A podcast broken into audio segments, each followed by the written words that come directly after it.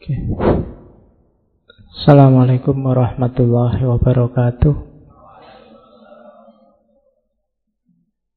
Bismillahirrahmanirrahim. Alhamdulillah.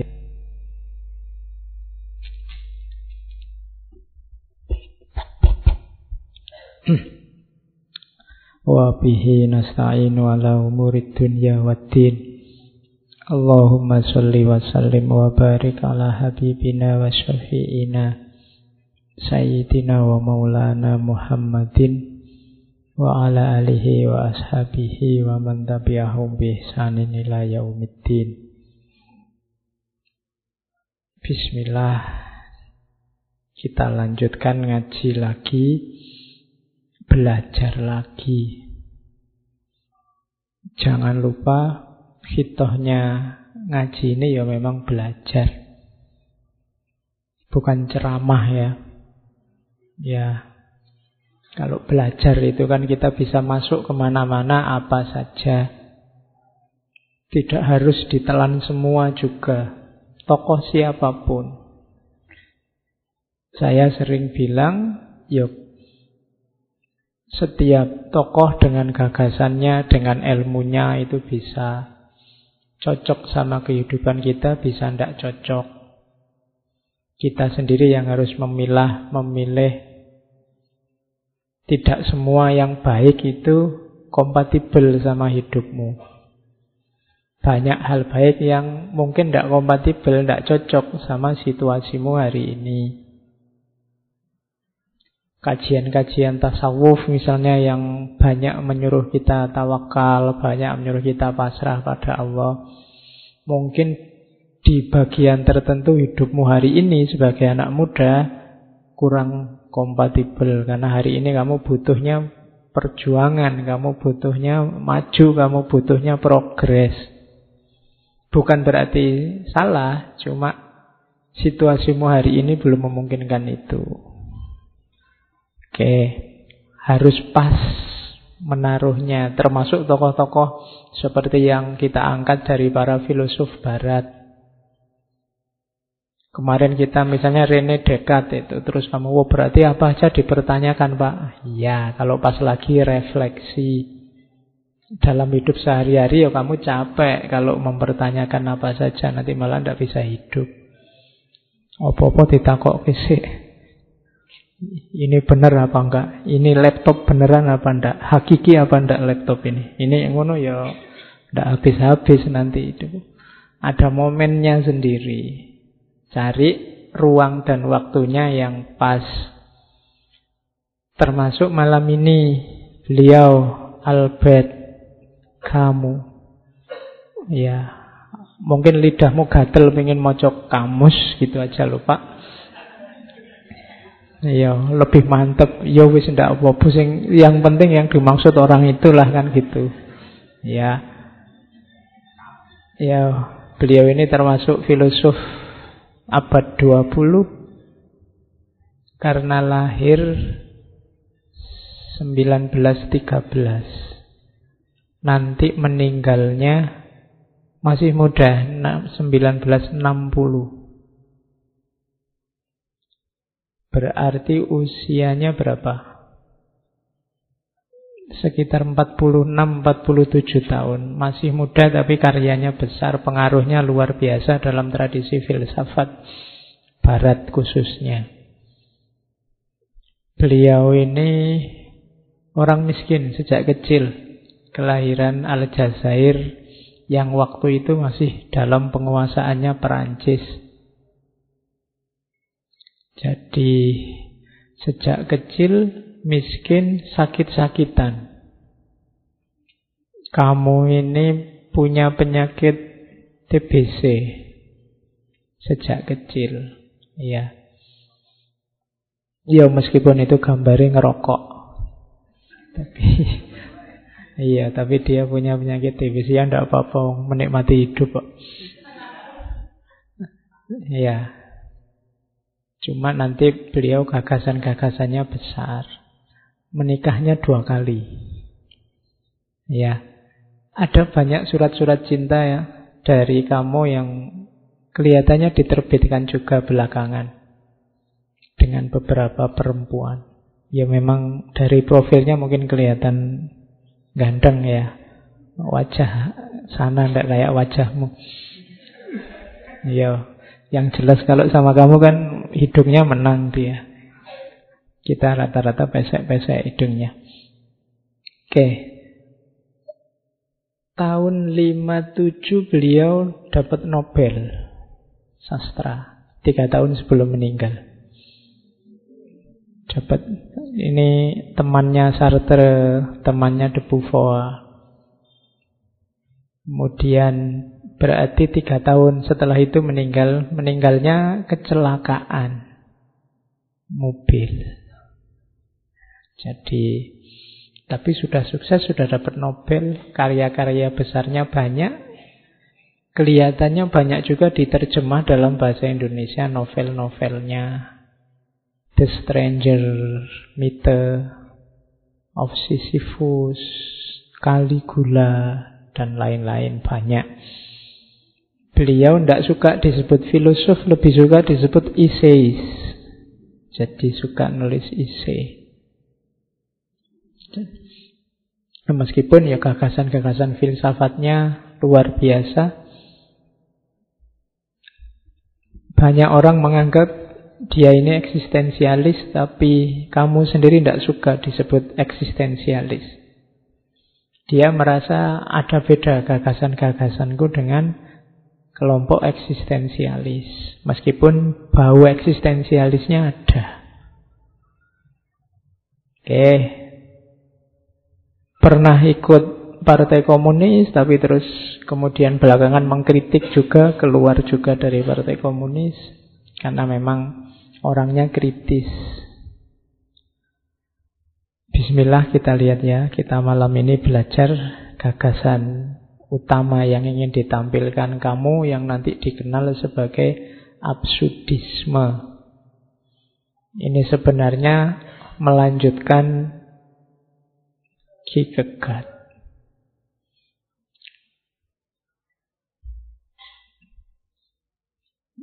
Saya awali dari pidatonya waktu dapat Nobel.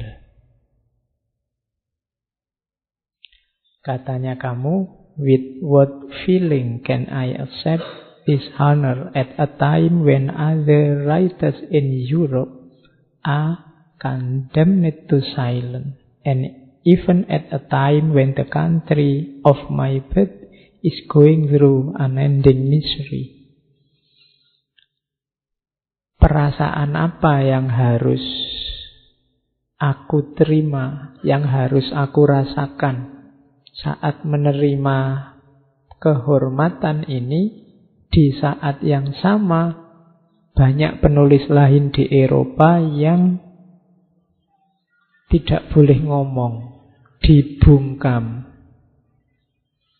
Dan bahkan saat ini negaraku tempat kelahiranku sedang mengalami sakit yang tidak berakhir. Karena saat itu dijajah oleh Perancis, Aljazair. Dari kalimat ini kelihatan seperti apa pergolakan jiwanya seorang kamu. Hidup yang sejak kecil susah, sakit-sakitan, tanah airnya juga mengalami penderitaan yang luar biasa. Kemudian jerat kehidupan modern yang nanti ada kapitalisme, ada macam-macam. Termasuk banyak penulis yang terpaksa tidak boleh ngomong atau tidak bisa ngomong. Zaman itu kan banyak. Di Indonesia dulu kan ada itu kan larangan-larangan. Tidak boleh nulis, tidak boleh ngomong, tidak boleh mengungkapkan gagasan. Yang boleh ini, ini, ini, ini, yang itu tidak boleh. Dulu kan biasa semacam itu. Dan itu yang diprihatinkan oleh kamu. Apa gunanya penghargaan ini? Saya harus ngomong apa? Mau ngomong terima kasih, Alhamdulillah bersyukur atau ngomong apa? Itu kan membingungkan situasinya. Oke, itu pengantarnya. Sekarang kita lihat. Langsung ke tema utama, absurditas.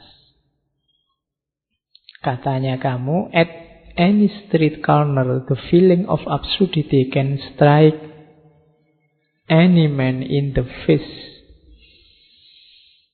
Di mana pun di sudut-sudut jalan, feeling of absurdity, merasa absurd itu bisa menampar wajah siapa pun. Merasa absurd itu merasa hidup ini tidak jelas ya. Itu merasa absurd. Hidup ini mau apa sih? Itu merasa absurd. Aku kayak gini ini buat apa sih? Itu merasa absurd kamu. Tidak jelas. Coba bertanya, apa tujuan hidup ini? Apakah hidup ini ada maknanya atau tidak? Gunanya apa aku di alam semesta ini? Kamu akan jatuh pada absurditas, katanya kamu. Jawabnya susah terus tidak jelas. Para filosof sebelum kita itu sudah mati-matian ingin jawab. Tapi tidak ada jawaban tuntas. Jawaban-jawaban itu hanya hebat di teori, hebat di buku-buku. Kita belajar ratusan konsepnya para filosof Rasanya ya berhentinya di ajaran mereka saja. Hidup kita ya gini-gini saja. Itu contoh gambaran betapa absurdnya hidup ini. Coba kamu tanya kenapa kamu ngaji? Tujuannya apa? Hasilnya apa? Yang kamu dapat apa? Nanti kan jadi absurd. Tidak jelas. Mungkin ikut-ikutan, mungkin pingin pinter, mungkin nah itu tidak jelas. Muter yang tidak jelas itu absurd. Kayak orang tuamu bekerja mati-matian biar kamu bisa kuliah. Setelah kamu kuliah, targetnya kan terus kamu kerja, terus kamu mati-matian kerja demi anakmu lagi biar anakmu bisa kuliah juga. Terus anakmu juga dia dapat pekerjaan mati-matian bekerja demi anak nanti ya ngapain bulat Semuanya berkorban demi anaknya. Lu yang sukses terus siapa? Itu kan absurd.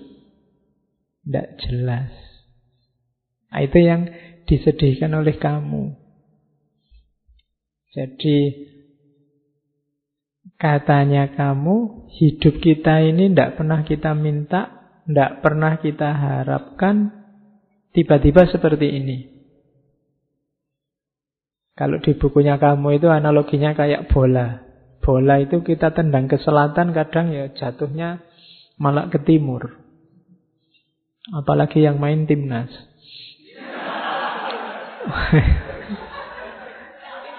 Ayo. Sudah diramal kalah, eh menang. Diramal menang, eh kalah. Bingung. Loh, tapi memang hakikatnya permainan bola kan begitu. Dan hidup kita kan juga begitu. Kita merancang kayak gimana hasilnya apa. Jadi ada jarak antara ideal-ideal yang kita canangkan dengan kenyataan. Toh terus kita mati-matian memegangi ideal kita. Itu namanya absurd katanya kamu. Oke. Ya termasuk nanti kritiknya pada agama. Cuma tidak boleh baper kalau dikritik, kadang-kadang kita memang begitu. Kita teriak-teriak agama sumber kedamaian, ternyata dalam sejarah banyak bukti agama jadi sumber konflik. Yang kita gadang-gadang ternyata meleset. Ah, itu juga jenis absurditas. Jadi hidup kita serba kalau nanti diterjemahkan oleh para filosof eksistensialis kayak Heidegger, faktisitas. Kita selalu terlempar dalam fakta-fakta yang seringnya tidak cocok sama gambaran kita selama ini. Mungkin dulu kamu sebelum kuliah membayangkan besok kalau saya kuliah mau rajin nulis, rajin baca, bikin tulisan banyak. Besok kalau saya kuliah mau nyari pesantren, Terus rajin tahajud sambil ngapalin Quran dikit-dikit sambil itu kan idealmu. Begitu kuliah, yo kamu rasakan sendiri sekarang kan. Nah, itu ada jarak antara teori-teorimu dengan kenyataan hidupmu. Katanya kamu, absurd itu konfrontasi antara dunia yang irasional dan kerinduan yang hebat akan kejelasan yang panggilannya menggema di kedalaman hati manusia. Dunia ini katanya kamu tidak serapi yang kamu pikirkan. Cuma kita selalu ingin menjelaskan dunia ini secara mutlak secara pasti, secara rapi. Dan kita gegeran demi itu. Konsep A tawuran dengan konsep B, konsep B mengkritik konsep C, konsep C gegeran sama konsep D. Semuanya konsep, kenyataannya beda. Dalam hidup ternyata tidak sesederhana yang diteorikan di konsep-konsepnya para filosof. Kamu tetap ingin mengejar makna hidup kamu kan gitu mahasiswa-mahasiswa yang agak apalah gitu kan ini saya pencarian pak. Ini kan itu pun kalau ditanya detail ya bingung kamu itu nyari apa?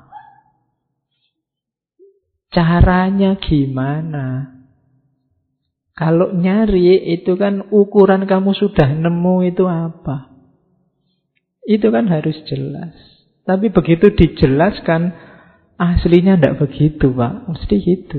Kenapa? Itulah hidup. Katanya kamu, hidup itu memang absurd. Nah, Oke, terus kamu kamu menjelajahi gagasan-gagasan para filosof sebelumnya. Kira-kira apa ada makna yang absolut itu? Dan dia tidak nemu. Meskipun dulu Rene Dekat teriak-teriak, ayo dicari sampai yang kebenarannya paling pasti. Wong kamu tidak ngerti Rene Dekat juga bisa hidup enak, bisa ketawa-ketawa. Berarti apa? Tidak operatif, tidak fungsional. Maka katanya kamu tidak. Cirinya hidup ini absurditas. Jadi ketidakpastian. Oke, Makanya di awal tadi saya bilang ya, siap-siap cari wadah yang pas untuk gagasan ini. Kamu salah wadah nanti jadi kacau. Terus, absurd itu apa? Ya absurd itu dari bahasa Latin, absurdus, yang artinya tuli atau bodoh. Yang seperti rumusannya kamu tadi, konflik antara kecenderungan manusia untuk mencari nilai dan makna dalam hidup melawan kenyataan bahwa tidak mungkin orang bisa ketemu makna dan nilai pasti mutlak hakiki dalam hidup. Bukan tidak mungkin secara logik katanya kamu, tapi tidak mungkin secara human. Kenapa? Kita ini manusia. Kalau pakai bahasa agama mungkin manusia itu terbatas. Tidak mungkin dia ketemu yang tidak terbatas, yang mutlak, yang ultimate. Humanly impossible. Secara manusiawi tidak mungkin, tidak cuma secara logika. Jadi nanti akhirnya dikenal aliran absurdisme. Satu aliran filsafat yang menyatakan bahwa upaya manusia untuk menemukan makna Ya terserah istilahnya apa, makna batin lah, makna dalam lah, makna yang tinggi lah, ultimate lah, puncak lah, monggo, tapi pasti akan gagal. Tidak akan ketemu. Sehingga sifatnya absurd Ya kayak tadi, absurd itu hanya dalam konsep. Canggih kalau didengarkan, rapi kalau dipahami, tapi dengan kenyataan itu selalu ketemu pengecualian-pengecualiannya. Karena dunia ini kayak orang main bola. Bola itu arahnya ke mana, datangnya dari mana, tidak bisa diramal. Oke, tidak jaminan kalau apa wis Barcelona melawan PSS Sleman misalnya pasti menang Barcelona. Itu tidak jaminan. Ya kalau Allah menghendaki kan gitu maumu kan. Jadi ya bisa aja yang menang PSS. Mungkin Barcelona ini tadi bingung ini bal-balan opo gini. Terus dia malah kalah. Bisa begitu. Hidup ini absurd memang. Jadi tidak usah kaget kalau klub idolamu yang kamu jago-jagokan kok kalah. Alasannya gampang, ya hidup ini memang absurd. Ya, jadi santai saja, kamu tidak perlu galau. Oke. Nah, tadi kan feeling. Absurd itu yang kamu rasakan. Dari mana sih munculnya perasaan absurd itu? Yang pertama, konflik tadi ya antara dunia manusia dengan pikirannya dan situasi dia yang tidak bisa lepas dari dunia. Kamu punya ideal-ideal. Sementara kamu tidak bisa lepas dari kenyataan hidupmu yang tidak cocok sama ideal yang kamu canangkan. Toh kamu tetap mati-matian berpegang pada ideal-idealmu. Nah, itu namanya absurd. Jadi ada clash antara cita-citamu dengan kenyataan. Pinginmu sih jadi dokter, kok ya daftar kuliah keterimanya di UIN Usuluddin misalnya. Duit itulah tabrakan sama sekali itu. Iya, wis ndak bisa gimana lagi, Bu. Kamu ngotot yang penting saya jadi dokter apa ya bisa. Ya paling mentong jadi dukun. Iya. Lo itu ras itu yang disebut absurd oleh ya. Kita kan inginnya ya contoh gampang misalnya Powis, sistem pemerintahan kita pakai demokrasi biar A, B, C, D. Nanti mungkin banyak anomali dalam kenyataannya. Dan itu biasa karena memang dunia itu absurd. Enaknya hidup itu gini loh Pak, bla bla bla bla. Tapi dalam kenyataannya pasti nanti geser, tidak sesederhana itu. Itulah nanti dari situ muncul perasaan absurd. Yang kedua, absurd itu bisa terletak pada inginmu memahami hidup ini sedalam mungkin, sehakiki mungkin, seluas mungkin, tapi kenyataannya tidak mungkin kamu bisa begitu kemampuanmu, wawasanmu, sejauh apa jangkauan ilmumu, ya pasti terbatas. Mau komprehensif tidak gampang. Wong kita ini manusia yang meruang dan berwaktu. Jadi sehingga yang kita pahami ya sejauh jangkauan kita. Itu pun kita merasa inilah hakikatnya hidup. Nah, itu namanya absurd. Yang kamu tahu kebenaran itu ya sejangkau wawasanmu hari ini. Itu pun kamu tetap merasa ya tetap ini Pak yang paling sejati. Padahal tidak. Itulah perasaan absurditas yang kedua. Oke, itu kalimat yang ketiga menjelaskan. Kodrat manusia yang seutuhnya menginginkan adanya penjelasan yang menyeluruh sifatnya. Sementara di lain pihak ternyata dunia telah menyembunyikannya dengan hanya menyajikan penjelasan tersebut setengah-setengah. Sehingga manusia terus mencari kebenaran hanya mendapatkan dunia yang masih terselimuti kabut misteri itu. Kalimat-kalimatnya banyak yang puitis karena kamu kan sastrawan. Iya. Cuma kalimat kayak gini kamu baca sekali itu susah dipahami. Karena ini juga kan terjemahan. Ya intinya yang tadi bahwa dunia ini misteri. Tidak bisa ditebak hanya oleh satu teori. Begitu kamu tebak A, besok dia ganti jadi B. Begitupun kadang-kadang kita ngeyel, pokoknya harus A. Sehingga yang terjadi apa? Absurditas.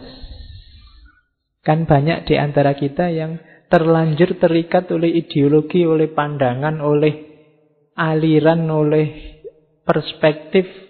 Sehingga kadang-kadang meskipun buktinya menunjukkan bahwa perspektif kita salah, kita tetap ngeyel dengan perspektif kita. Itu contoh absurditas. Oke. Terus, yo misalnya kamu lihat teh ini. Misalnya teh ini Sebenarnya manis, biasanya manis. Terus begitu kamu rasakan, mungkin takmirnya lupa ngasih gula, terus lu pahit lo itu. Enggak, Pak. Teorinya tetap teh itu manis. Loh, wong saya merasakan sendiri pahit. Oh, itu bapak yang keliru. Nah, sekarang kan begitu orang. Jadi buktinya jelas, tapi kamu tetap gandolan apa kamu tetap pegangan teorimu, perspektifmu yang selama ini kamu anggap benar. Itulah absurditas. Oke. Nah, itu ada quote-quote tentang absurditas yang saya ambil beberapa dari kamu. Misalnya ini, ini absurd. Banyak orang belajar tentang kebahagiaan itu apa, diperoleh dari mana, isinya apa. Padahal katanya kamu, you will never be happy if you continue to search for what happiness consists of. Kamu tidak akan pernah bahagia kalau kamu terus mencari apa sih kebahagiaan itu. Kenapa? Selama kamu mencari, ya kamu akan sumpek dalam pencarianmu.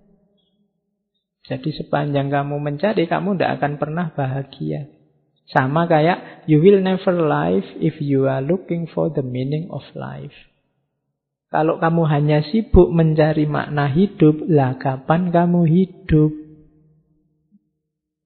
Itu yang dimaksud absurditas. Ya. Jadi kita selama ini kan apa yang kamu lakukan? Mengejar kebahagiaan, Pak. Lu ngapain? Ya bahagialah saja.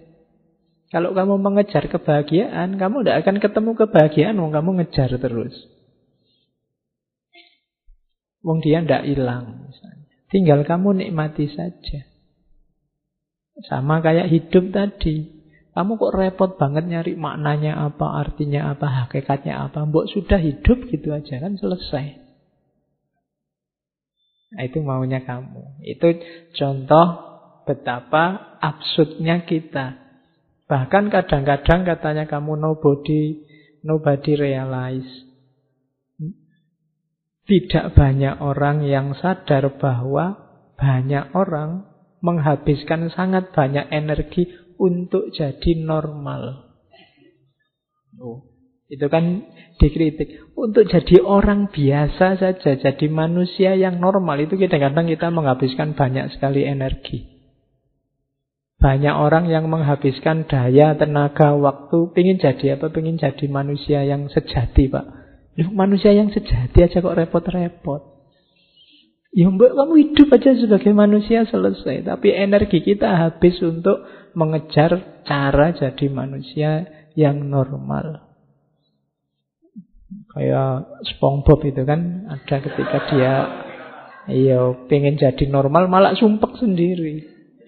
Iya. Jadi usahamu untuk jadi orang normal itu membuatmu jadi aneh. Harus mah ya kamu biasa saja jalani hidup seperti adanya sudah normal. Tapi kan kamu terus bikin standar-standar tentang kenormalan. Normal itu gini loh Pak, orang waras itu gini orang. Dan kamu kejar itu. Jadi energimu banyak habis untuk sesuatu yang tinggal kamu jalankan. Oke, itu kritiknya kamu. Itu ada yang ketiga saya bawa. Manusia selalu jadi korban dari kebenarannya.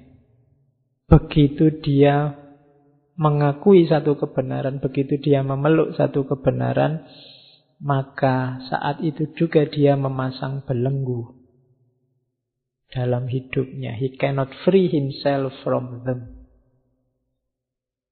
Itu blundernya manusia. Hidup dalam absurditas. Oke, kita selama ini berputar-putar hanya untuk kembali ke ranah normal mencari makna hidup yang sejati. Wong hidup tinggal dihidupi selesai. Ingin jadi normal, yuk kamu udah usah ngapa-ngapain itu sudah normal. Tapi kamu nambah-nambah ideal sendiri, nambah-nambah standar sendiri yang bikin hidupmu susah. Itulah absurdnya manusia. Bikin aturan-aturan sendiri, nanti kalau sudah direpotkan oleh aturan, gegeran sendiri, Terus setelah itu aturannya dihapus sendiri, bikin aturan baru lagi gantinya, terus gegeran lagi, terus dihapus lagi ganti. Kan selalu begitu. Energi kita habis dalam absurditas. Nah, itu kritiknya kamu.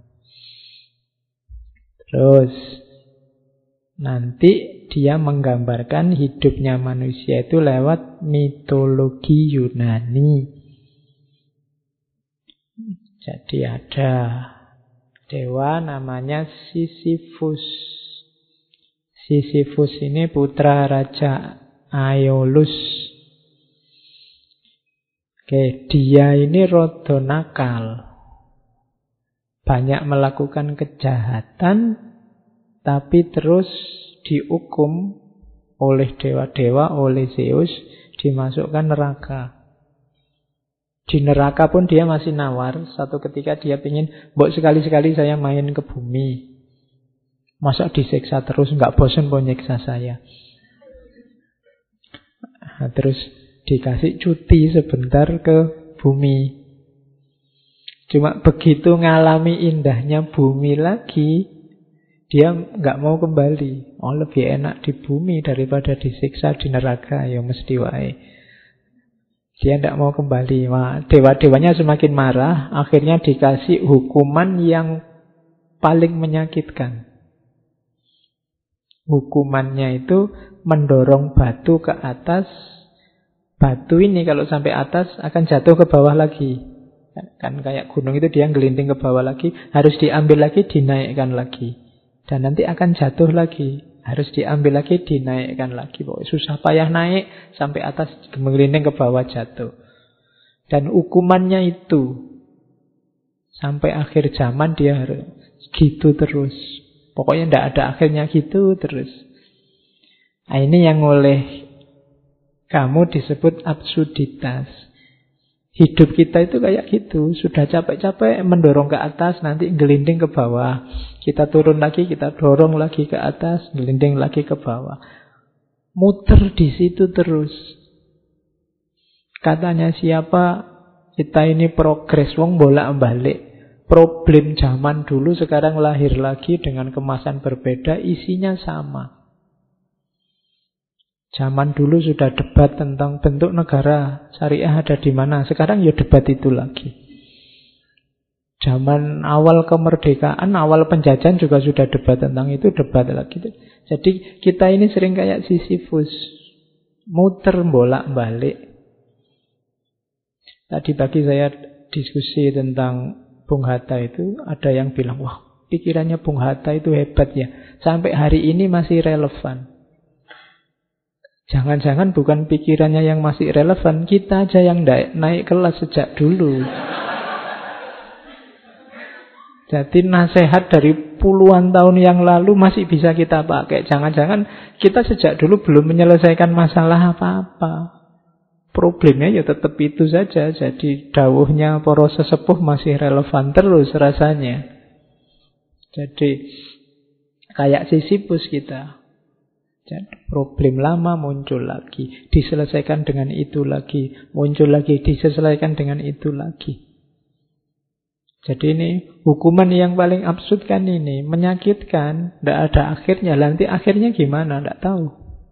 Jadi pokoknya begitu aja terus. Nah, itu mitosnya dikenal sebagai mitos Sisyphus.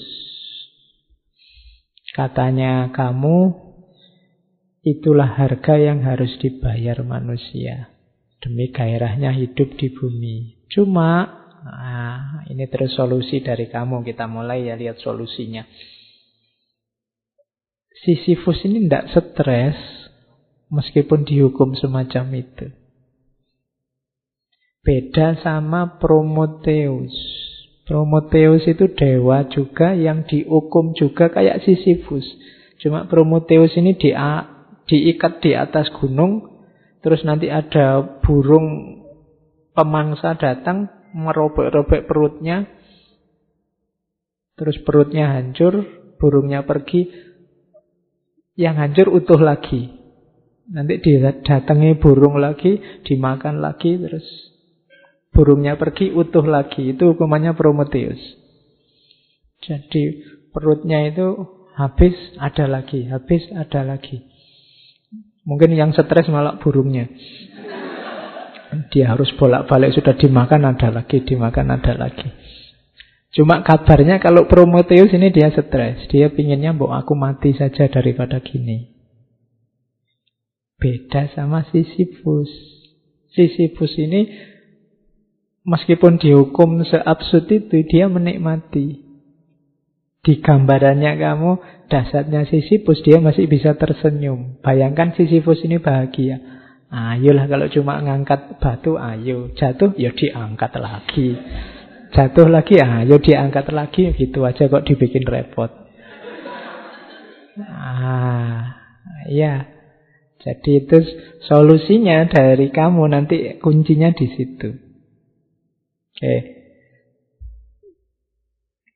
Nah, Makanya pertanyaan besarnya kamu tentang Sisyphus itu kalimatnya bagus. Should I kill myself or have a cup of coffee? Kalau aku sumpek kalau hidup ini absurd, terus apa aku harus bunuh diri atau ayo ngopi saja? Yo, kan sekarang kan kamu sering pakai ini Allah daripada sumpek ngopi aja yuk, nah, kan gitu. Jadi iya sih hidup ini absurd, hidup ini sumpek, hidup ini ruwet, Ngopi aja yuk, ngapain dibikin ruwet. Makanya pertanyaannya kamu, should I kill myself? Apa aku harus bunuh diri? Kan enggak toh? Meskipun hidup ini absurd, hidup ini rumit, hidup ini sumpek, nikmati saja. Kan bahasa lainnya itu. Jangan stres, jangan sumpek. Nah, jadi kalimat ini boleh kalian tulis besar-besar di kamarmu. Kamu kan sering sumpek. Ya, ya. Kalau kamu sumpek masuk kamar, aku harus bunuh diri apa ngopi saja. Nah, ya. Nanti mau ngopi, lo kok duitnya habis, bunuh diri saja. ya. Oke.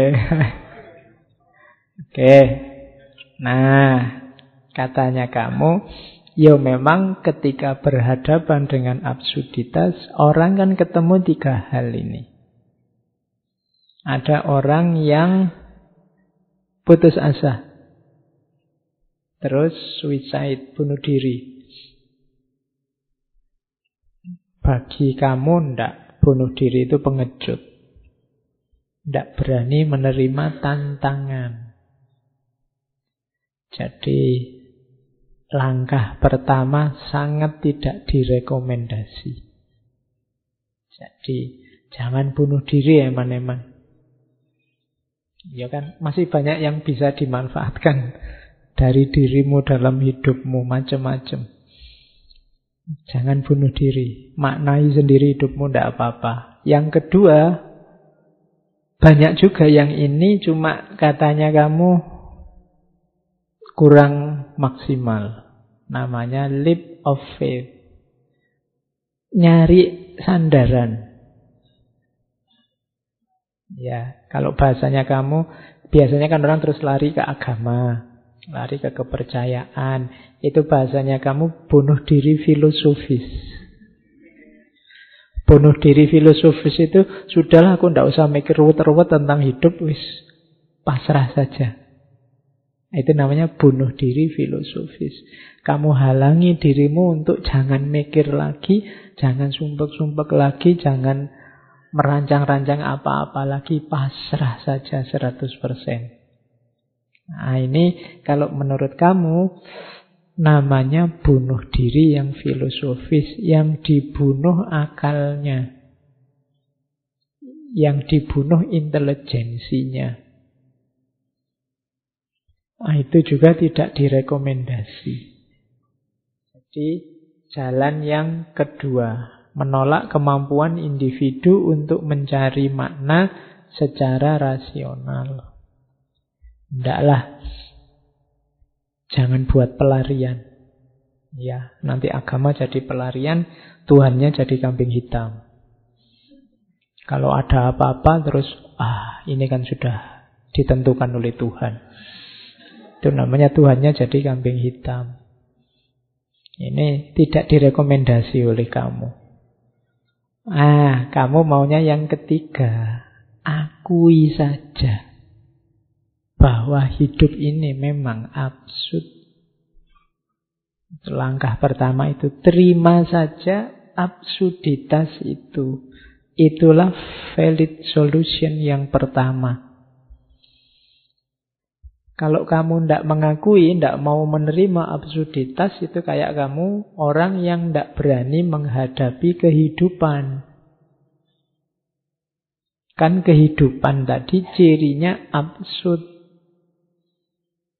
Karena memang hidup itu cirinya absurd, kalau kamu lari dari absurditas tadi kayak kamu lari dari hidup. Kayak Prometheus tadi wis minta mati saja. Beda sama Sisyphus, dia bisa menikmati tidak apa-apa. Lu saya dihukum, iya wis ayo sini dihukum tidak apa-apa. Dinikmati saja, gelinding ke batu ke atas, jatuh lagi. Ya diambil lagi. Yang penting kan tidak mati, dia hidup terus. Bisa menaik turunkan batu. Nah, jadi pertama-tama langkah yang valid menghadapi absurditas itu katanya kamu terimalah. Tidak usah disangkal. Tidak usah kamu nyari-nyari argumen untuk membantah bahwa hidup ini tertib, teratur, rapi, kita bisa menguasai dunia, mengontrol, tidak bisa. Diterima saja bahwa hidup ini serba tak terduga, susah untuk dikendalikan dan seterusnya. Diterima saja itu dulu. Oke, jadi hadapi absurditas itu, jangan lari. Lah terus gimana Pak? Hidup kita asal? Enggak. Setelah kamu terima bahwa hidup ini absurd dan kamu tidak nyari sandaran-sandaran untuk melarikan diri, maknai saja hidupmu versimu seperti yang kamu inginkan tanpa harus berpretensi bahwa ini loh makna terbaik, makna ultimate, makna puncak. Maknai saja hidup. Katanya kamu manusia sepanjang sejarah itu kan berusaha menemukan makna hidup. Dan dia akhirnya jatuh di satu di antara dua. Hidup ini tidak bermakna atau ada makna tapi dari realitas lebih tinggi dan kita hanya disetir saja. Katanya kamu dua-duanya tidak kondusif untuk hidup kita. Dua-duanya memposisikan kita jadi objek. Jadilah subjek sendiri dalam hidupmu. Ciptakan maknamu sendiri dalam hidupmu. Mungkin itu tidak objektif. Tapi makna yang kamu ciptakan sendiri, versimu itu membuat hidupmu sekarang jadi lebih berharga. Dan kamu tidak merasa kosong lagi, tidak merasa hampa lagi karena absurditas tadi. Tidak apa-apa, hidup ini absurd. Kalau hidup ini tidak karu-karuan, tak bikin makna versiku sendiri yang membuat hidup ini rasanya kayak karu-karuan. rasanya kayak lurus, ada maknanya. Tapi makna versiku. Tanpa harus merasa makna ini final, makna ini puncak. Di sini bau eksistensialismenya kelihatan. Jadi eksislah jadi dirimu sendiri dengan makna yang kamu bikin sendiri. Tapi bukan makna hakiki, Pak. Ya ndak apa-apa. Yang penting begitu kamu punya makna, hidupmu kan berharga. Versimu sendiri. Setelah tadi kamu terima absurditasnya, bahwa hidup ini absurd, sekarang kamu beri makna. Lah nanti hidup ini tidak karu-karuan, Pak. Makna saya apa laku? Kalau besok makna saya nggak nyambung gimana? Bikin makna lagi. Ya, bikin makna baru lagi. Kalau sudah tidak cocok, ya ganti lagi. Dulu mungkin sebelum kuliah kamu, pokoknya Pak, saya maunya belajar. Pacaran no way misalnya. Ya. Itu kan makna versimu. Tapi nanti mungkin semester 3 kok yo ada yang nyantol dan mau. Eman-eman ini kalau dilepaskan. Misalnya. Ya contohnya kan gitu. Tapi kan dulu prinsip saya ini Pak. Ya diganti saja apa susahnya sih. Wong dulu prinsip kamu sendiri yang bikin. Sekarang diganti yang baru kan juga tidak apa-apa. Wong situasinya memang berubah. Mungkin dulu kamu membayangkan wajahku gini mungkin tidak terlalu laku lah paling. Mungkin. Eh ternyata laku juga misalnya.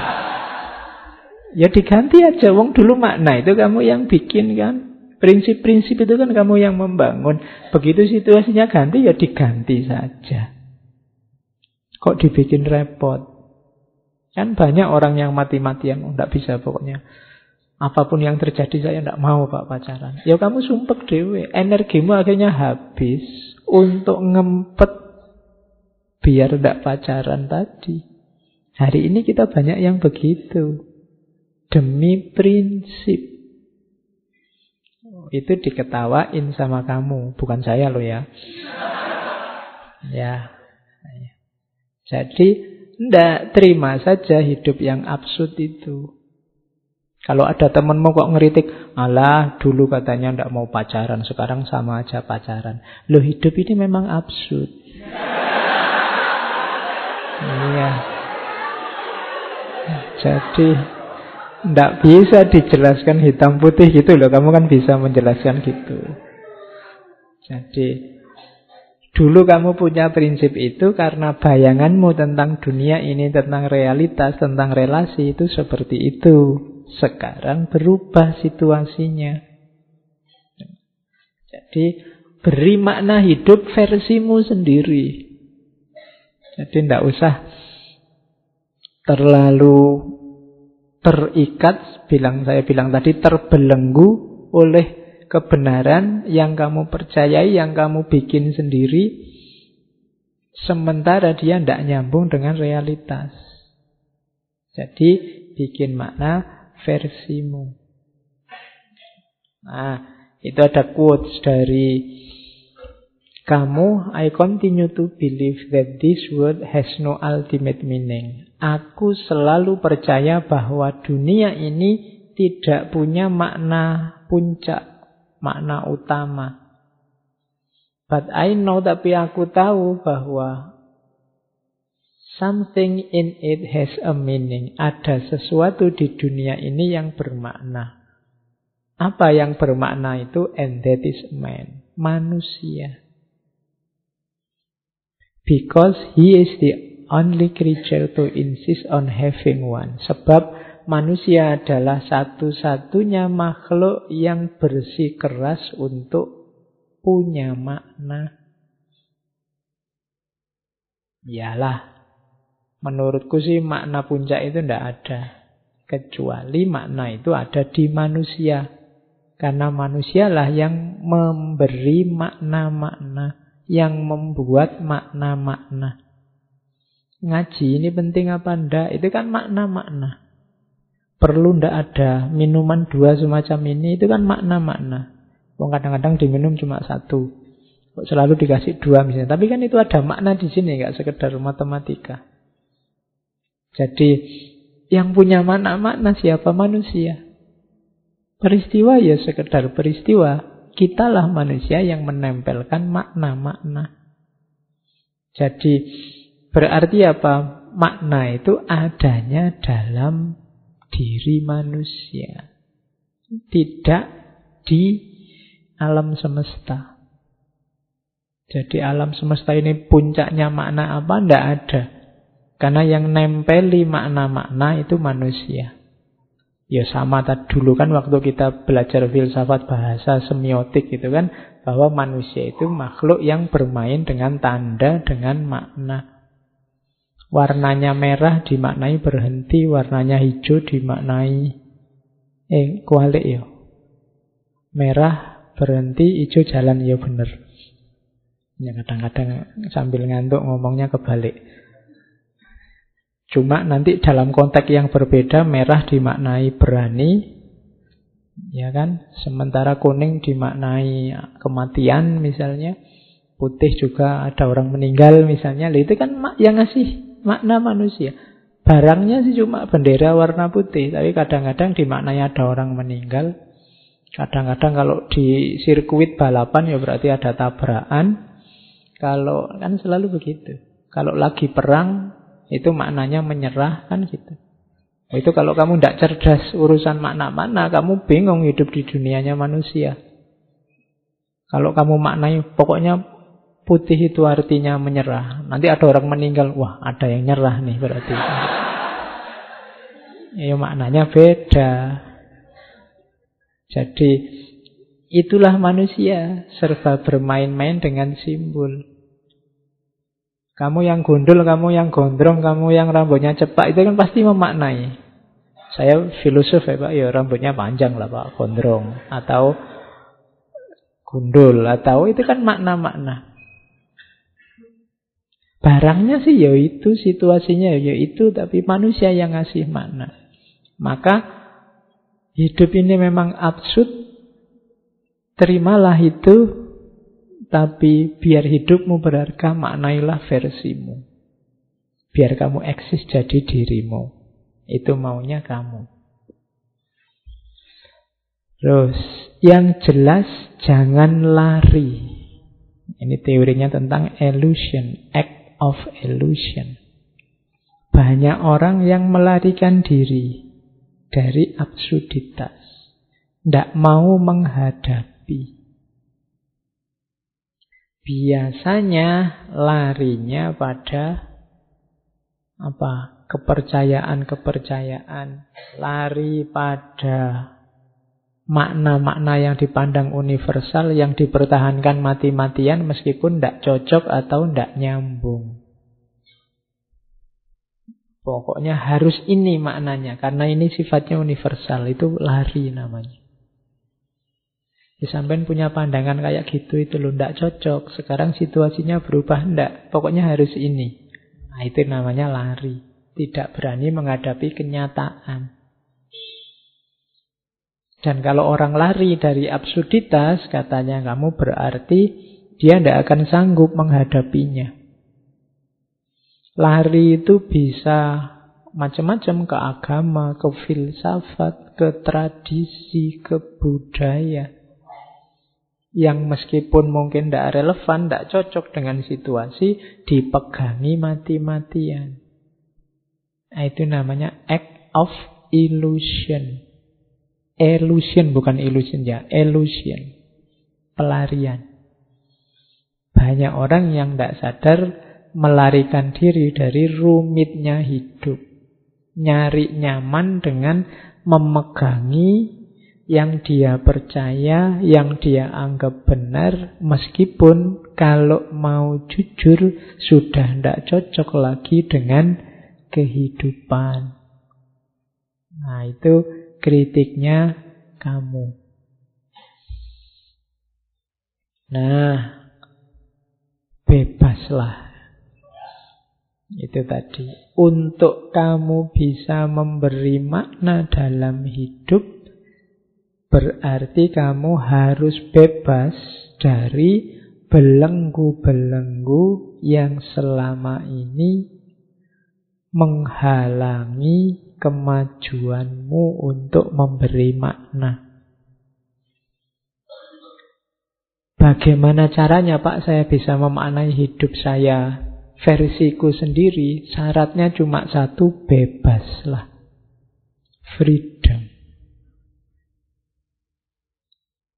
Jadi freedom itu jalan paling pendek untuk orang bisa menerima absurditas nanti kamu memperkenalkan konsep acceptance without resignation menerima tanpa menyerah. Jadi menerima tanpa menyerah itu iya, saya terima hidup ini absurd, tapi aku tidak akan menyerah menghadapi absurditas itu. Aku akan memberi makna. Aku akan merancang hidupku, memutuskan pilihan-pilihanku sendiri. Jadi Di situlah kuncinya kebebasan. Rahasianya bebas itu apa? Berarti orang melepaskan diri dari kungkungan absurditas hidup untuk memutuskan memberi makna sendiri terhadap hidupnya. Itulah freedom. Ya tinggal kamu cermati hidupmu, kira-kira yang sangat membelenggu apa? yang tidak relevan yang kamu anggap benar dalam hidupmu apa, yang tidak cocok apa, dievaluasi. Jadi kalau Pak sudahlah Pak biar jalan saja, Wong memang hidup ini absurd, biarkan saja saya ikuti absurditas itu, berarti namanya menyerah. Tidak boleh. Absurditas terimalah tapi jangan menyerah. Ya kayak kamu misalnya berkaca terus Oh ya saya terima pak wajahku kayak gini Tapi aku tidak menyerah. Ya tidak menyerah itu maksudnya Kalau aku mau berjuang berusaha Nanti hasilnya juga. Nah itu namanya Acceptance without resignation. Jadi menerima tapi tidak nyerah Ya saya terima pak IP saya jelek Tapi saya tidak menyerah Saya akan berusaha Gimana caranya biar tidak DO misalnya. Nah, itu namanya acceptance without resignation. Atau kok seandainya DO, oh, saya akan memaknai secara berbeda. Nah, lo iya, saya terima DO ku tapi DO bukan segala-galanya misalnya. Lo iya, emangnya hidup ditentukan oleh IP ijazah kan tidak. Ya, yang nomor satu nasib. Oke. Okay. Ya. Kalau pas nasibnya jelek terus dimaknai saja sebagai tantangan. Kasih makna baru nanti. Oke. Okay. DO kan membebaskan dirimu dari banyak tanggung jawab. Loh iya kan? Cara membacanya begitu. Itu yang disebut maknaan. Jadi selama ini kamu dikejar-kejar, kamu tegang luar biasa. Wah ini sebentar lagi, sebentar lagi. Tapi begitu DO, Alhamdulillah. Bebas aku sekarang, tidak mikir lagi. Wong ya sudah free. Ini kan gitu. Itu namanya contoh pemaknaan. Jadi bebaskan dirimu dari banyak belenggu. Ada banyak topeng yang hari ini kamu pakai, setiap topeng membelenggu kepalamu. Nah, coba cek mana yang masih relevan, mana yang tidak. Kalau yang tidak relevan, ya lepaskan. Bikin makna-makna baru biar hidupmu berarti berharga. Karena sejago apa pun kamu, kalau hanya ikut-ikutan, tidak ada harganya. Kamu tidak eksis sebagai dirimu. Nyawanya teori eksistensialisme kan di situ dirimu berharga sebagai manusia, itu kalau kamu eksis sebagai dirimu. Bukan kerumunan tapi individual. Kamu sebagai apa? Ingin tampil sebagai apa? Itu kan eksis hari ini itu kan kamu artikan tampil. Muncul sebagai apa?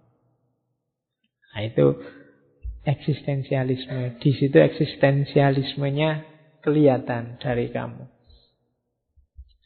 Okay. The only way to deal with an unfree world is to become so absolutely free that your very existence is an act of rebellion. Satu-satunya jalan untuk berhadapan dengan dunia yang tidak bebas adalah menjadi sepenuhnya bebas. Sehingga hidupmu, keberadaanmu, hakikatnya adalah tindakan pemberontakan. Berontaklah. Yang diberontak apa? Ketidakbebasanmu. Ada banyak hal yang membelenggumu, bebaslah. Tindakanmu apa pun kalau dasarnya tidak bebas, tidak ada nilainya. Saya orang baik, Pak. Kenapa kok kamu melakukan kebaikan dipaksa ya Pak? Itu kan tidak ada nilainya. Orang tidak akan ngasih hadiah kamu, wong dipaksa. Kamu salah juga begitu. Kamu melakukan kesalahan, Pak terpaksa, Pak saya memperkosa. Lah kok bisa dipaksa, Pak? Itu kan juga ketika dipaksa kan nilai salahnya juga berkurang banyak. Wong kamu tidak bebas, milih sendiri. Kalau boleh milih, kamu tidak akan memperkosa. Tapi karena dipaksa, ya terpaksa diperkosa. Contoh gampangnya begitu. Sehingga hidupmu harusnya adalah act of rebellion. Tindakan pemberontakan. Tidak, kamu tidak berontak siapa-siapa. Berontak nilai-nilai yang mengungkung hidupmu yang membuat dirimu tidak eksis sebagai dirimu sehingga semua tindakanmu jadi tidak bernilai. Nilai satu tindakan itu antara lain syaratnya harus kamu bebas. Dalam fikih kan selalu kan misalnya haji apa-apa syaratnya yang pertama balik terus merdeka kan selalu ada istilah merdeka itu. Karena orang kalau yang tidak merdeka tidak kena hitop. Tidak bisa kena hukum. Wong dia tidak merdeka. Yang dia lakukan hanya sesuai perintah. Dia tidak bebas menguasai dirinya sendiri. Yo, kalau dulu konotasinya memang perbudakan. Tapi hari ini ada banyak hal yang memperbudakmu cuma kamu tidak sadar. Nah, ya, nanti kamu renungkan sendiri. Sejauh mana kamu bebas, mandiri, menguasai hidupmu sendiri. Kenapa sih harus bebas? Katanya, kamu freedom is nothing but a chance to be better. Kebebasan itu tidak lain adalah kesempatan untuk jadi lebih baik. Biasanya ketidakbebasan itu menginginkanmu ada dalam status quo. Harus seperti saat ini yang begini itu biasanya terus kamu dipagar-pagari sehingga tidak bebas. Padahal hidup kita ini kan harus selalu berkembang ke arah yang lebih baik, lebih baik. Kalau bahasa hadisnya yaumuhu khairun min amsihi. Ketika tidak lebih baik, lebih baik, berarti kita macet, mandek di kebenaran hari ini. Yang mungkin sudah tidak relevan lagi di hari esok. Maka bebaskanlah dirimu biar kamu bisa jadi lebih baik dan lebih baik. Jadi berarti apa? Syaratnya untuk eksis kemudian menghadapi absurditas itu adalah kebebasan dirimu. Tindakannya adalah tindakan pemberontakan. Terus kamu, ini agak unik ya, dulu kita pernah ngaji tentang harapan. Kalau bagi Albert kamu, tidak usah berharap. Iya. Kenapa jangan berharap? Penolakan terhadap harapan berarti penolakan untuk percaya apa pun melebihi ada, melebihi yang ada dalam kehidupan. Jadi harapan itu katanya kamu bukan lawan dari keputusasaan. Orang punya harapan itu kan orang yang hidupnya di masa depan. Dia tidak hidup di masa kini. Itu cara melihatnya beda lagi sama kemarin-kemarin. Tapi perlu dipertimbangkan. Jadi orang yang terlalu banyak harapan, pokoknya tiap hari berharap terus. Itu kan biasanya hari ini juga nggak ngapa-ngapain. Yang ditunggu besok. Tunggu saja besok. Tunggu saja besok. Kan mesti gitu. Saya baru saja bikin tulisan tentang gerakan Imam Mahdi mileniarisme itu masyarakat itu kalau sudah terpojok tertindas, tidak punya solusi apa-apa, tidak punya jalan keluar apa-apa, biasanya stuck terus menyerah dan yang dimunculkan ideologi harapan yang namanya Imam Mahdi mileniarisme itu. Wis ndak apa-apa sekarang sumpek, besok tunggu saja Imam Mahdi datang semuanya akan dibalas. Kalau Ratu Adil datang, ah selesai semua konflik di Indonesia. Kan gitu. Itu logika orang yang sudah kepepet, sudah menyerah. Memimpikan datangnya Ratu Adil. Nah, versinya kamu, makanya sudahlah, ndak usah mudah ditipu oleh harapan-harapan. Hiduplah hari ini saja. Jadi, bisa kok kamu hidup tanpa harapan itu. Kenapa? Nikmati saja hari ini. Katanya kamu, harapan bagi seorang absurdis, seorang yang berani menghadapi absurditas itu, katanya kamu adalah metode pengejut untuk lari dari absurditas. Tidak berani menghadapi masa kini, tunggu saja besok. Nah, itu kayak kamu kalah, gegeran sama temenmu, Tunggu saja, Gusti Allah tidak tidur. Kan selalu begitu. Itu itu tanda-tanda kamu tidak bisa melawan sekarang. Tenang aja. Setiap tindakan ada balasannya. Itu logikanya kamu begitu. Sebenarnya tidak usah begitu, lawan saja. Tanding hari ini. Kalau hari ini kamu kalah apa ya bisa diharapkan besok kamu pasti menang. Jadi berjuangnya sejak hari ini. Jangan menunggu besok. Perhatikan saja situasi hari ini. Dengan tanpa memiliki harapan, katanya kamu, orang akan termotivasi untuk hidup sepenuhnya di setiap momen peristiwa yang dia hadapi saat ini. Itu, itu uniknya filsafat ya. Berpikir itu bisa dari banyak segi. Kamu mau nyari wajibnya orang punya harapan dengan haramnya orang punya harapan itu sama-sama ada argumennya. Makanya tadi saya bilang tinggal cocokkan saja sama situasi hidupmu. Enaknya kamu punya harapan atau tidak yang kondusif sehingga nantinya melahirkan banyak kebaikan dari dirimu. Ya kamu sendiri nanti yang merancang. Kira-kira kamu perlu harapan apa enggak? Yang mungkin hidupnya penuh kegagalan, ya mungkin kamu butuh harapan biar ndak milih pilihan pertama tadi bunuh diri.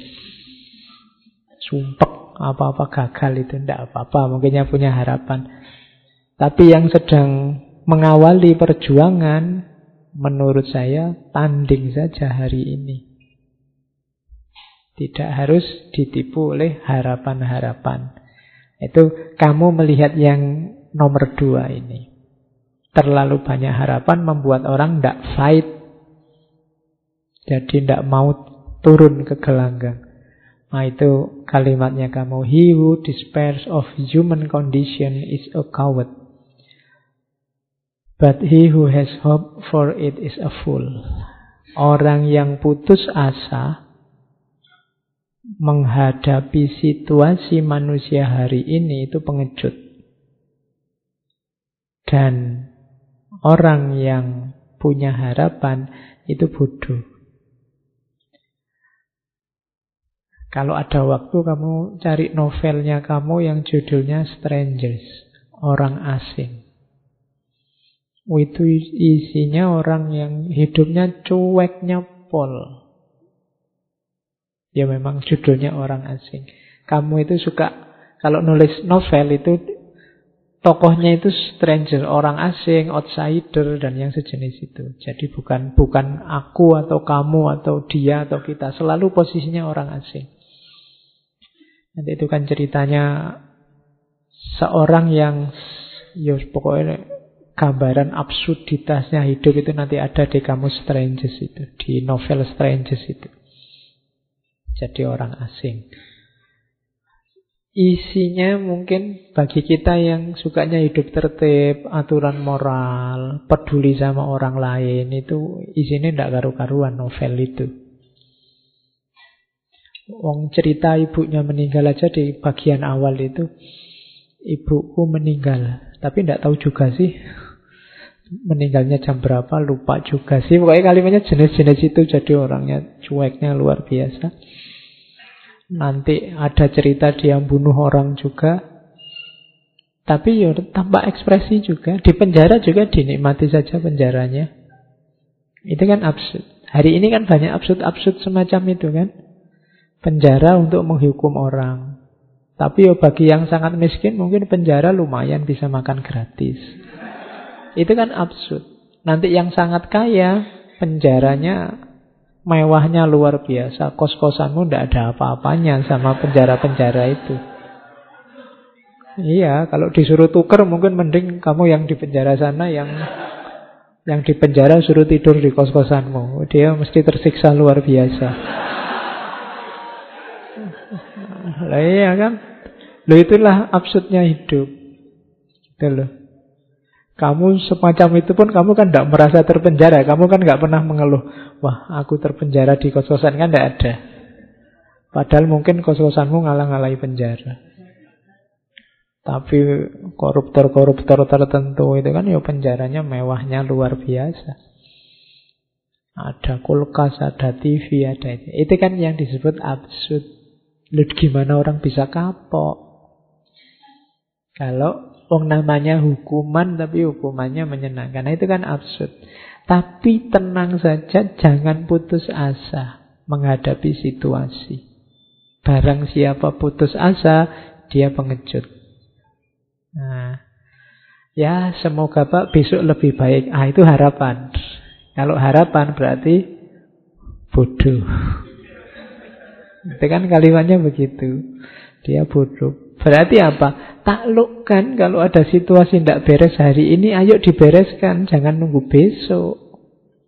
Jangan berharap besok. Sekarang. Kalau berharap besok kan ya apalagi besok-besoknya kita itu kan bisa panjang rentangnya. Ya, saya berharap Indonesia ini nantinya lama-lama jadi negara adil dan makmur. Loh, jangan nunggu besok. Ayo berjuang sekarang biar Indonesia ini adil dan makmur. Itu maunya kamu. Oke. Makanya gunakan jurus ini, teori ini, konsep ini di ruang dan waktu yang pas. Awas keliru. Terus, kalau ini yang pemberontakan tadi ya. Jadi ada quote bagus dari kamu yang ini mungkin nyindir Rene Descartes dulu. I rebel, therefore I exist. Aku memberontak, maka aku ada. Iya. Loh kalau kamu manut saja, ya memang kamu tidak eksis. Eksis itu kan tidak sama dengan hidup. Yo kamu ada ya, tapi kan tidak eksis sebagai dirimu. Untuk kamu eksis sebagai dirimu, kamu harus memberontak. Yang diberontak apa? Situasi absurd dalam kehidupanmu. Beri makna versimu. Belenggu-belenggu yang tadi membuatmu hidup secara tidak sadar dalam kungkungan, dalam cengkraman, kelompok aliran ideologi, gagasan, kebenaran itu kan semua membelenggumu yang tidak mesti relevan. Berontaklah, kemudian pilihlah yang relevan, beri makna hidupmu yang positif, maka I rebel, therefore I exist. Aku memberontak, maka aku ada. Hmm, ya, itu. Kalau dulu kan cuma berpikir, aku berpikir, maka aku ada. Tapi kalau berpikirnya kerumunan, hanya ikut-ikutan orang lain, kamu masih belum ada. Dirimu masih belum muncul. Munculnya dirimu itu kalau kamu eksis sebagai dirimu. Nah, ini albet kamu. Oke. Terus. Nah, pertanyaan besarnya kan terus ada di sini. Tentang moralitas. Tapi kan kita hidup ini butuh akhlak, Pak. Butuh moralitas, Pak. Biar tertib. Iya. Orang absurd itu bukan orang yang anti moral, bukan orang yang immoral. Tapi kalau dalam istilahnya kamu, dia lebih ke amoral. Ini susah ya membedakan. Amoral itu tindakan yang netral, tidak ada hubungannya sama moral. Kalau immoral itu tindakan yang berlawanan dengan moral. Saya minum itu mungkin amoral. Tidak ada hubungannya dengan moral. Oh, haus ya minum biasa aja.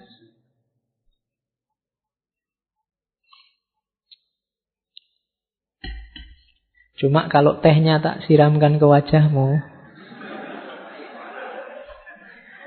ya itu immoral. Menyakiti orang lain itu immoral. Kamu duduk itu ya amoral. Amoral itu yaitu belum ada hubungannya dengan moral. Kamu duduk saja. Pak, saya duduk, Pak. Iya. Tapi saya duduknya sambil nendangi teman saya yang di depan. Oh, itu baru amoral, immoral. Jadi ada amoral, ada immoral. Nah, amoral ini isilah dengan nilai-nilai moral versimu. Jadi baik atau buruk, lihatlah ruang dan waktunya, kemudian ciptakan makna itu versimu sama. Di situlah nanti kelihatan integritas moralmu. Sama kayak tadi ya contohnya. Jadi kalau kamu melakukan sesuatu, hasil keputusanmu sendiri, termasuk dalam moral ini, perbuatan ini jadi bernilai. Tapi kalau dipaksa orang lain hanya karena mengikuti, hanya karena apalagi komitmen tertentu yang mengikatmu, katanya kamu, yaitu belum disebut bermoral. Kamu seolah-olah terpaksa bukan keputusanmu sendiri. Kamu tidak bisa disebut berintegritas. Integritas itu jiwamu tercetak sudah bermoral begitu dan kamu putuskan bermoral. Tidak cuma karena ikut-ikutan saja. Di situlah kamu disebut orang yang berintegritas. Dan cirinya lagi, lihat situasi.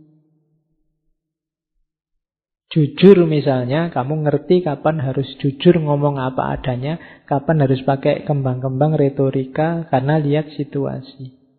Bukan berarti kalau kamu nggak ngomong apa adanya terus pasti kamu nggak jujur dan salah, nggak. Ada situasi-situasi yang mungkin kamu nggak harus jujur. Kalau jujur bahaya atau nggak sopan malahan.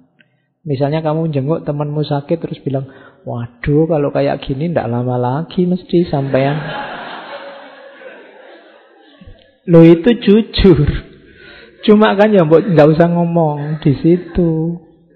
Ya, oh, temanku kemarin kayak gini tiga hari cumaan langsung. Iya. Kamu kan tidak mau dimarahi. Leo aslinya memang begitu kok. Kok saya dimarahi? Saya kan jujur. Iya, jujur. Cuma ruang dan waktunya tidak cocok. Kamu harus cerdas juga memutuskan. Kapan harus ngomong jujur, kapan situasinya tidak memungkinkan. Oke, kalau ada muridmu misalnya tidak pinter ya tidak usah dimarahi. Ah, kamu itu bodoh, pasti masa depanmu suram, pasti gitu. Iya. Ya kamu jujur sebenarnya, cuma kan ruang dan waktunya tidak cocok kamu ngomong begitu. Itulah integritas. Jadi tidak sekedar membuta mengikuti aturan, tapi kamu ngerti ruang dan waktunya yang pas. Itu maunya kamu tentang moralitas. Menghadapi absurditas. Nah, kurang lagi. Tentang, ini diambil dari novelnya The Fall. Ini sindirannya kamu pada kita. Jadi manusia itu katanya kamu biasanya merasa dirinya benar. Harusnya dibalik. Sebenarnya setiap manusia itu punya andil dalam kesalahan. Orang kan selalu merasa aku yang benar, aku yang baik. Tapi harusnya setiap orang sadar bahwa begitu lahir kesalahan, dia juga turut andil dalam kesalahan itu, dia turut ambil saham dalam kesalahan itu. Meskipun katanya kamu bagian menghakimi, tidak boleh orang menghakimi kesalahan orang lain. Sadarlah bahwa kamu sangat mungkin melakukan kesalahan dan setiap orang juga begitu, tapi jangan menghakimi kesalahan orang lain.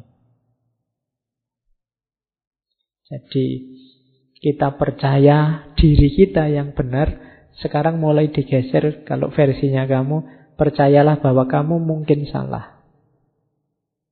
Itu efeknya luar biasa.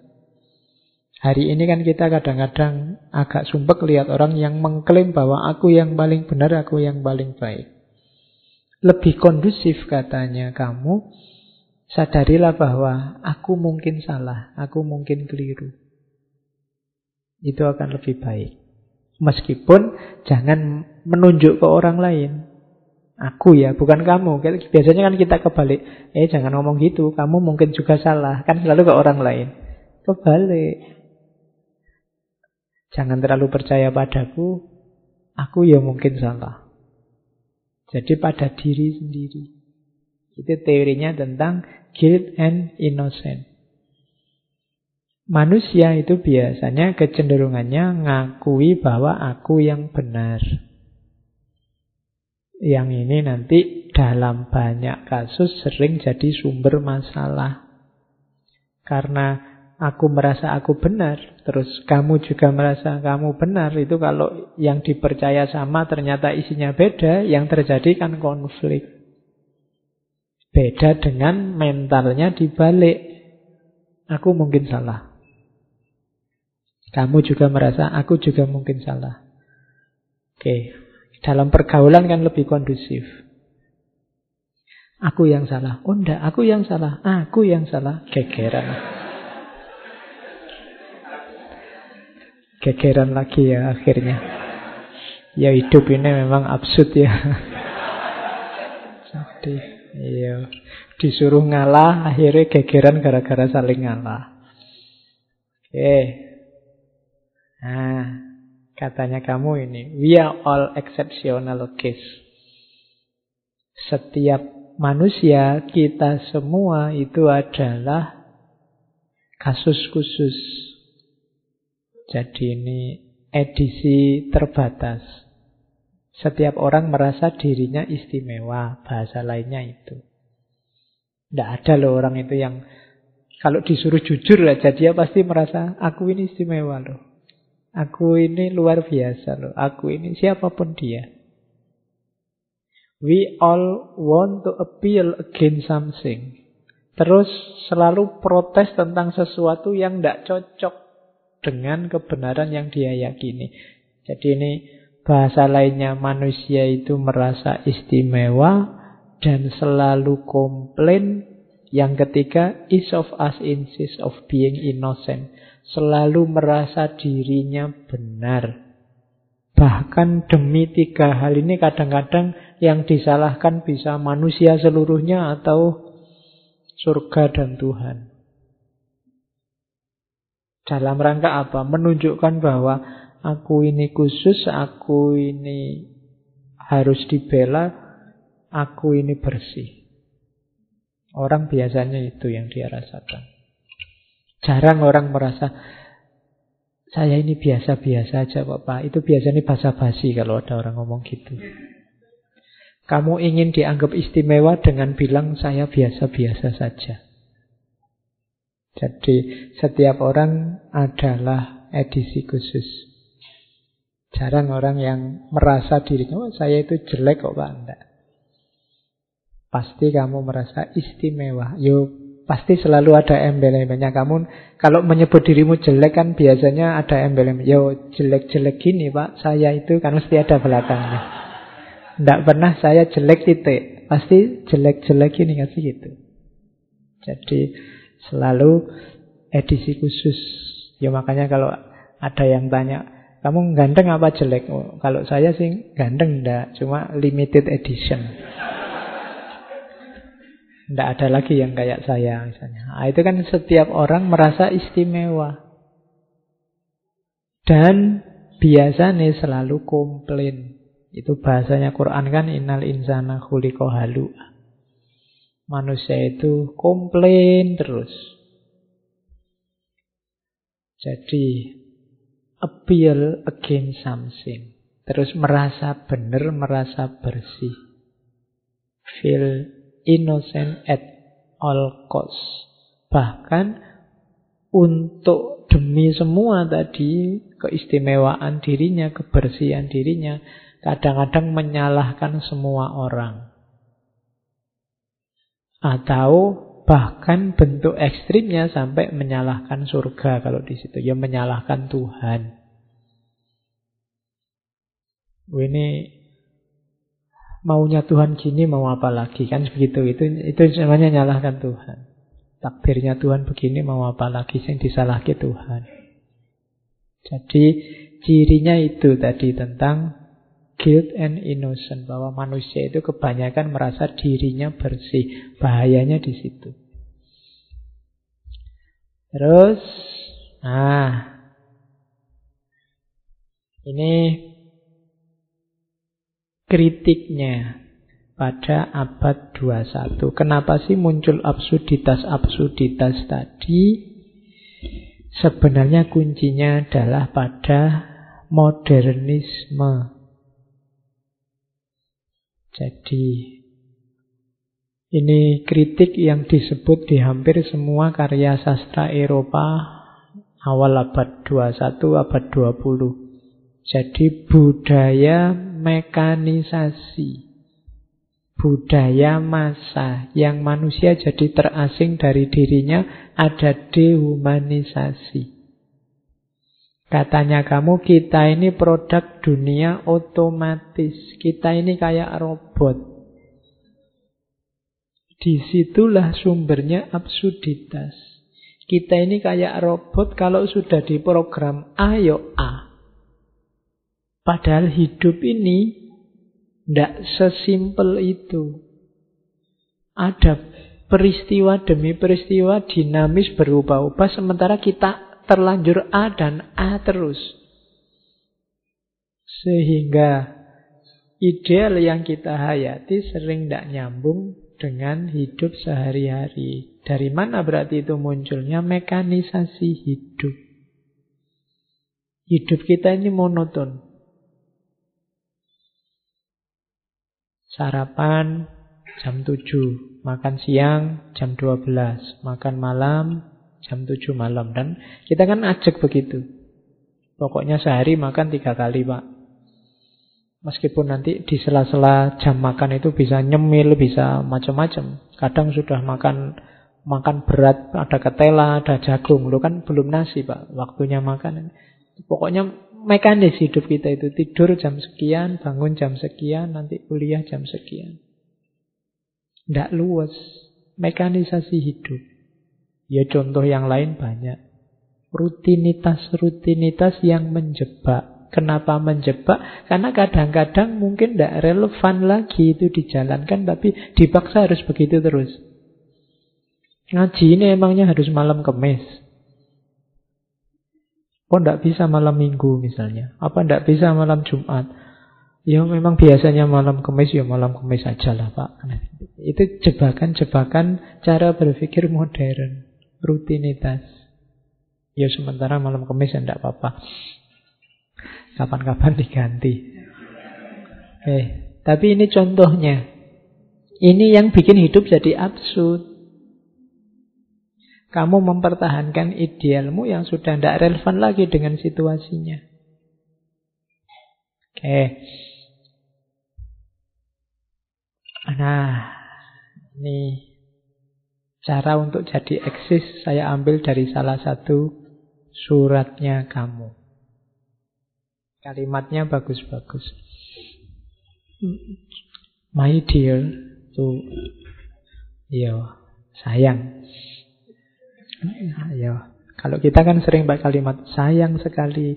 Kenapa Indonesia sepak bola itu nggak menang-menang? Karena begitu mau ngegolkan ndak gol, kata komentatornya sayang sekali. Iya, wong ndak gol malah disayangi. Oke. Ya, katanya kamu ini in the mid of hate, di tengah-tengah kebencian. Kutemukan dalam diriku cinta yang tidak terkalahkan. Di tengah-tengah air mata, kutemukan dalam diriku senyum yang tidak terkalahkan. Di tengah-tengah kekacauan, kutemukan dalam diriku ketenangan yang tidak terkalahkan. Aku sadari melalui semua itu bahwa di tengah-tengah musim gugur, kutemukan dalam diriku musim panas yang tidak terkalahkan. Dan itu membuatku bahagia. Karena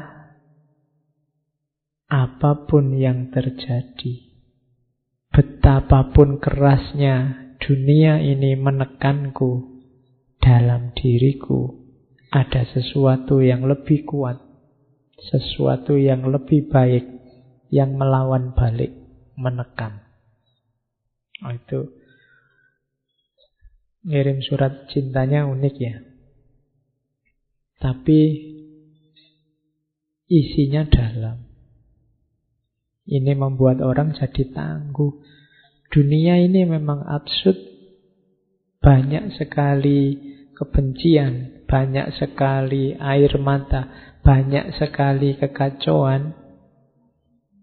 Tapi tidak usah khawatir kalau engkau manusia yang sejati dalam dirimu ada cinta yang tidak akan bisa dikalahkan oleh kebencian. Ada senyum yang tidak akan bisa dikalahkan oleh air mata. Ada ketenangan yang tidak akan bisa dikalahkan oleh kekacauan. Apa pun tekanan dunia padamu, engkau lebih kuat maka engkau bisa menekan balik dunia. Jangan mau ditekan. Caranya gimana? Tekan balik. Nah, jadi hidup kita adalah perjuangan saling menekan antara kita dan dunia. Menanglah, eksislah jadi dirimu, jangan tenggelam dalam absurditas tadi.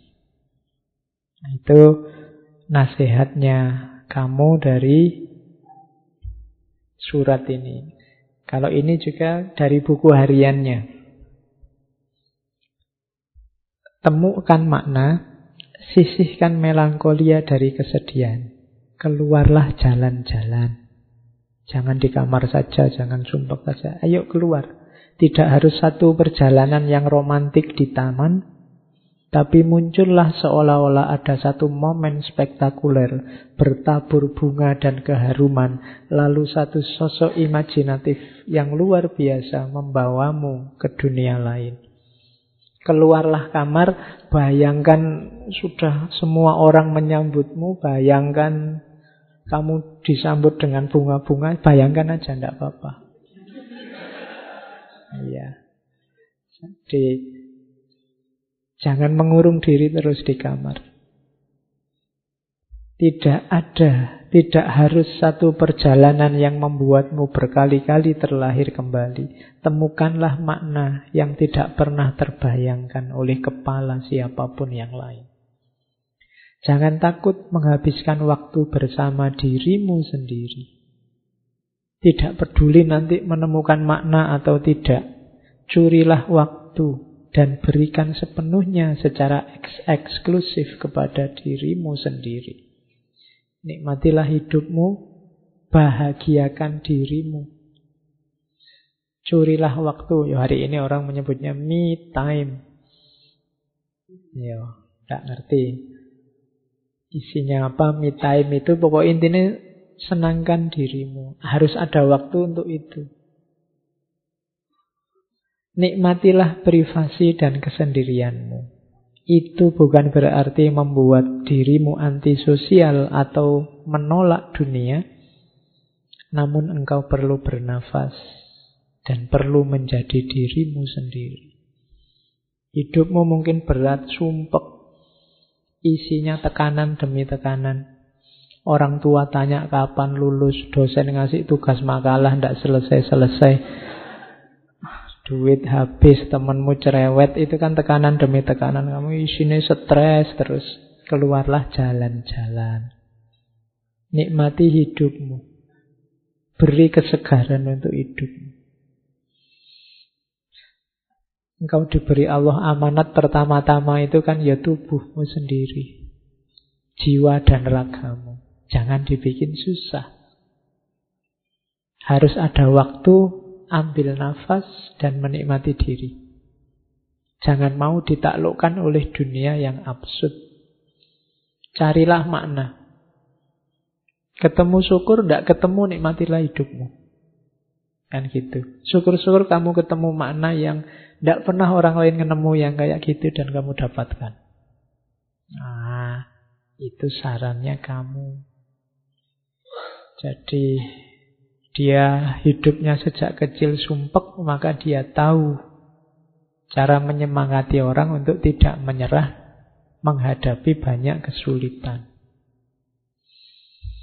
Terus ada beberapa lagi quote yang saya bawa. Ini tips-tips untuk tidak jatuh dalam absurditas.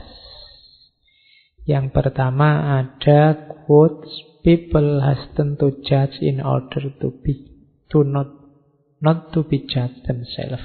Orang-orang itu biasanya ingin cepat-cepat menghakimi orang lain. Kenapa?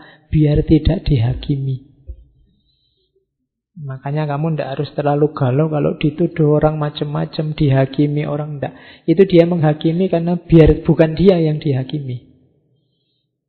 Orang itu kan hidup saling menilai, cepat-cepatan menilai.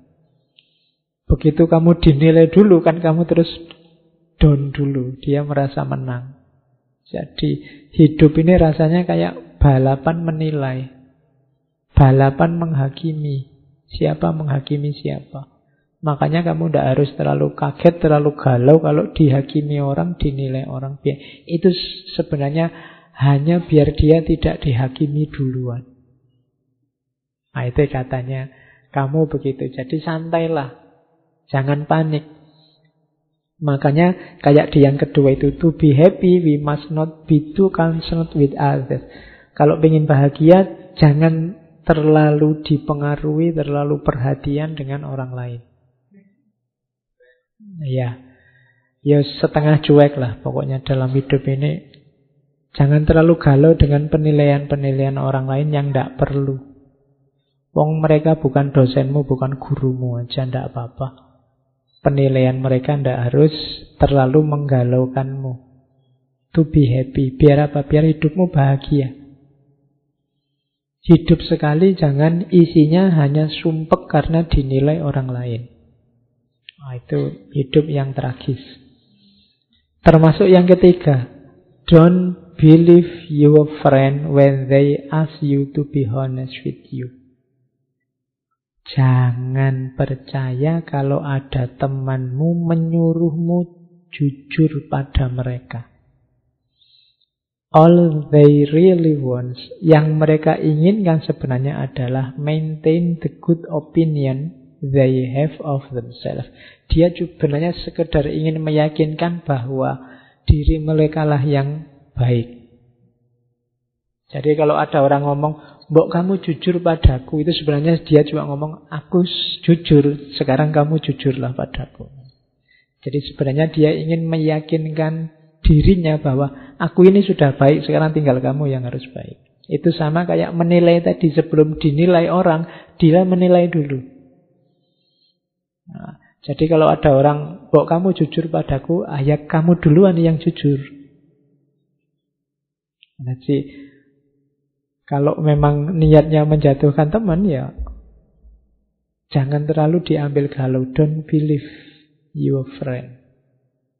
Oh itu Pokoknya di level ini itu kamu ngajak gegeran ini. Sama orang lain. Kenapa? Karena orang lain sering ngerecoki hidup kita. Meskipun nanti belakangan kan ada moralitasnya. Ya tidak sekedar ini. Cuma antara lain ini. Karena di sekeliling kita banyak orang yang ingin eksis tidak dengan cara mengeksiskan dirinya, tapi dengan cara menjatuhkan temannya. Sehingga eksistensi dia menunggu temannya jatuh apa enggak. Kalau temannya jatuh baru dia muncul. Nah itu hati-hati menghadapi orang yang semacam ini. Ada lagi, kalau ini Beda tema. I don't want to be a genius. I have enough problem just trying to be a man. Aku tidak ingin jadi orang jenius. Aku sudah cukup sumpek banyak masalah dengan berusaha untuk jadi manusia saja. Nah, ini maksudnya apa? Kita sering nambah-nambah ideal tadi. Saya ingin jadi manusia yang jenius. Oh, itu nambah sumpek lagi. Mau jadi manusianya saja sudah susah, kamu nambah lagi jadi manusia yang jenius. Saya ingin jadi manusia yang berguna bagi nusa, bagi bangsa, bagi agama, bagi orang tua. Sumpek lagi kamu. Berguna bagi orang tua aja susahnya luar biasa kamu tambahi lagi. Cukup jadi manusia sudah memusingkan. Apalagi nambah-nambah beban lain-lain macam-macam. Nah, itu kritiknya kamu. Terus kalau ini kebalikannya ngajak berteman. Kalau tadi kan ngajak musuhan. Don't walk in front of me, I may not follow. Don't walk behind me, I may not lead. Walk beside me, just be my friend. Ya, jangan berjalan di depanku, mungkin aku tidak akan mengikutimu. Jangan berjalan di belakangku. Aku tidak akan mengarahkanmu, aku tidak akan memimpin kamu. Berjalanlah di sampingku, jadi temanku saja. Ini bisa kamu pakai kalau waktu mau nembak. Ya, Loh, iya kan? Yo, jangan jalan di depanku, jangan jalan di belakangku, di sampingku. Oh. Jadilah temanku. Nah, ya. Jadi, ya kan kalau ini kalimatnya teman kan ya memang teman saja. Ya, bukan yang lain. Nanti jawabannya ya kan teman aja kan? Ya. Maunya kan memang cuma teman. Oke. Kalau ini untuk para dosen. Yeah, some people talk in their sleep. Lectures talk while other people sleep. Ini kamu loh benar dia bilang gitu. Mungkin dia pas lagi ngajar itu mungkin mengalami ini. Banyak orang yang berbicara waktu tidur. Tapi hanya dosen yang berbicara sementara banyak orang tidur. Ya. Ngaji ini kan juga gitu. Dosennya ngomong dewe kalian tidur sama cengenges-cengenges sejak tadi. Oke, jadi some people talk in they sleep, lectures talk while other people sleep. Ini nanti kamu bawa kasihkan dosenmu biar dosenmu senang. Oh iya ya, kadang-kadang gini. Oke, saya kira itu untuk kamu wadahnya dicocokkan lagi saya bilang tadi karena ada satu dua gagasan mungkin yang tidak relevan untuk hidupmu. Kalian pilih sendiri mana yang cocok, mana yang tidak.